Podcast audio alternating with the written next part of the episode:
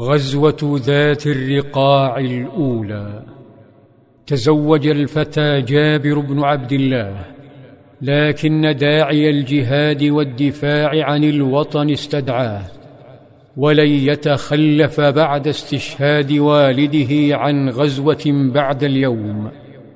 لذا اشترى بعيرا رخيصا وأوصى عروسه بأخواته اليتيمات وانطلق خلف نبيه صلى الله عليه وسلم لصد هجوم قادم من أرض نجد. سال الجيش عبر الأودية والشعاب حتى وصل أرضا بنجد يقال لها ذات الرقاع. وهناك مر بواد تناثرت فيه أشجار كثيرة الشوك تسمى العظاه. فتوقف الجيش للاستراحة. ونزل القائد صلى الله عليه وسلم عن راحلته. ثم أخذ سيفه وعلقه على شجرة سمر. واضطجع تحتها.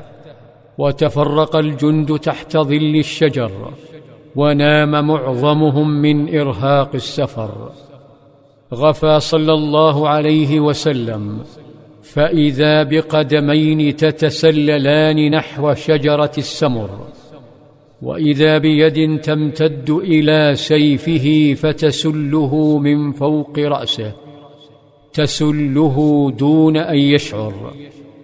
نطق المتسلل فانتبه صلى الله عليه وسلم وفتح عينيه ليفاجأ بأعرابي من الجيش النجدي يتأهب لإغماد سيفه في جسده الشريف ويهدد بكل ثقة قائلا من يمنعك مني؟ فإذا الثقة تنتقل إلى مكانها الحقيقي حين أجابه صلى الله عليه وسلم قائلا الله عز وجل.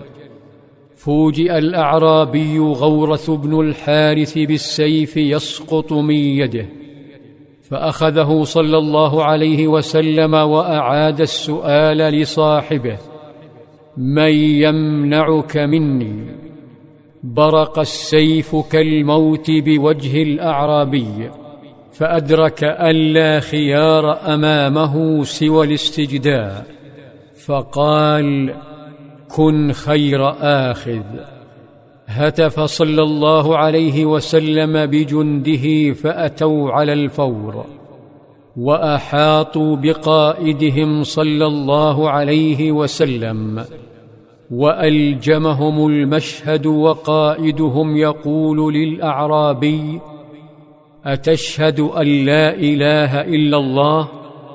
قال لا. ولكني أعاهدك ألا أقاتلك ولا أكون مع قوم يقاتلونك. أخلى صلى الله عليه وسلم سبيل هذا الصائل المحارب وعفى عنه رغم خطورة الظرف.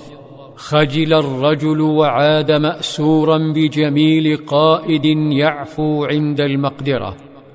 رجع يمشي عبر الوادي نحو رفاقه حتى اختفى بين الشجرات. ولما أقبل عليهم أحاطوا به حاصره فضولهم يسألونه عما فعله بأشهر رجل في الدنيا. انطلقت الأسئلة هل قتل محمدا وكيف قتله؟ فإذا الإجابة تفصح عن رجل ملكه محمد صلى الله عليه وسلم. ملكه بعفوه وأسره بأخلاقه. فقال مبجلا أبا القاسم جئتكم من عند خير الناس.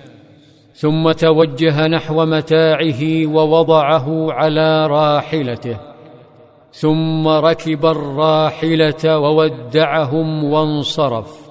فمثل أبي القاسم لا يقاتل ومثل أبي القاسم لا يعادى. هزت كلماته قيادات الجيش الوثني فتضعضعوا وهم يرون أشجع رجالهم يتركهم. يختفي.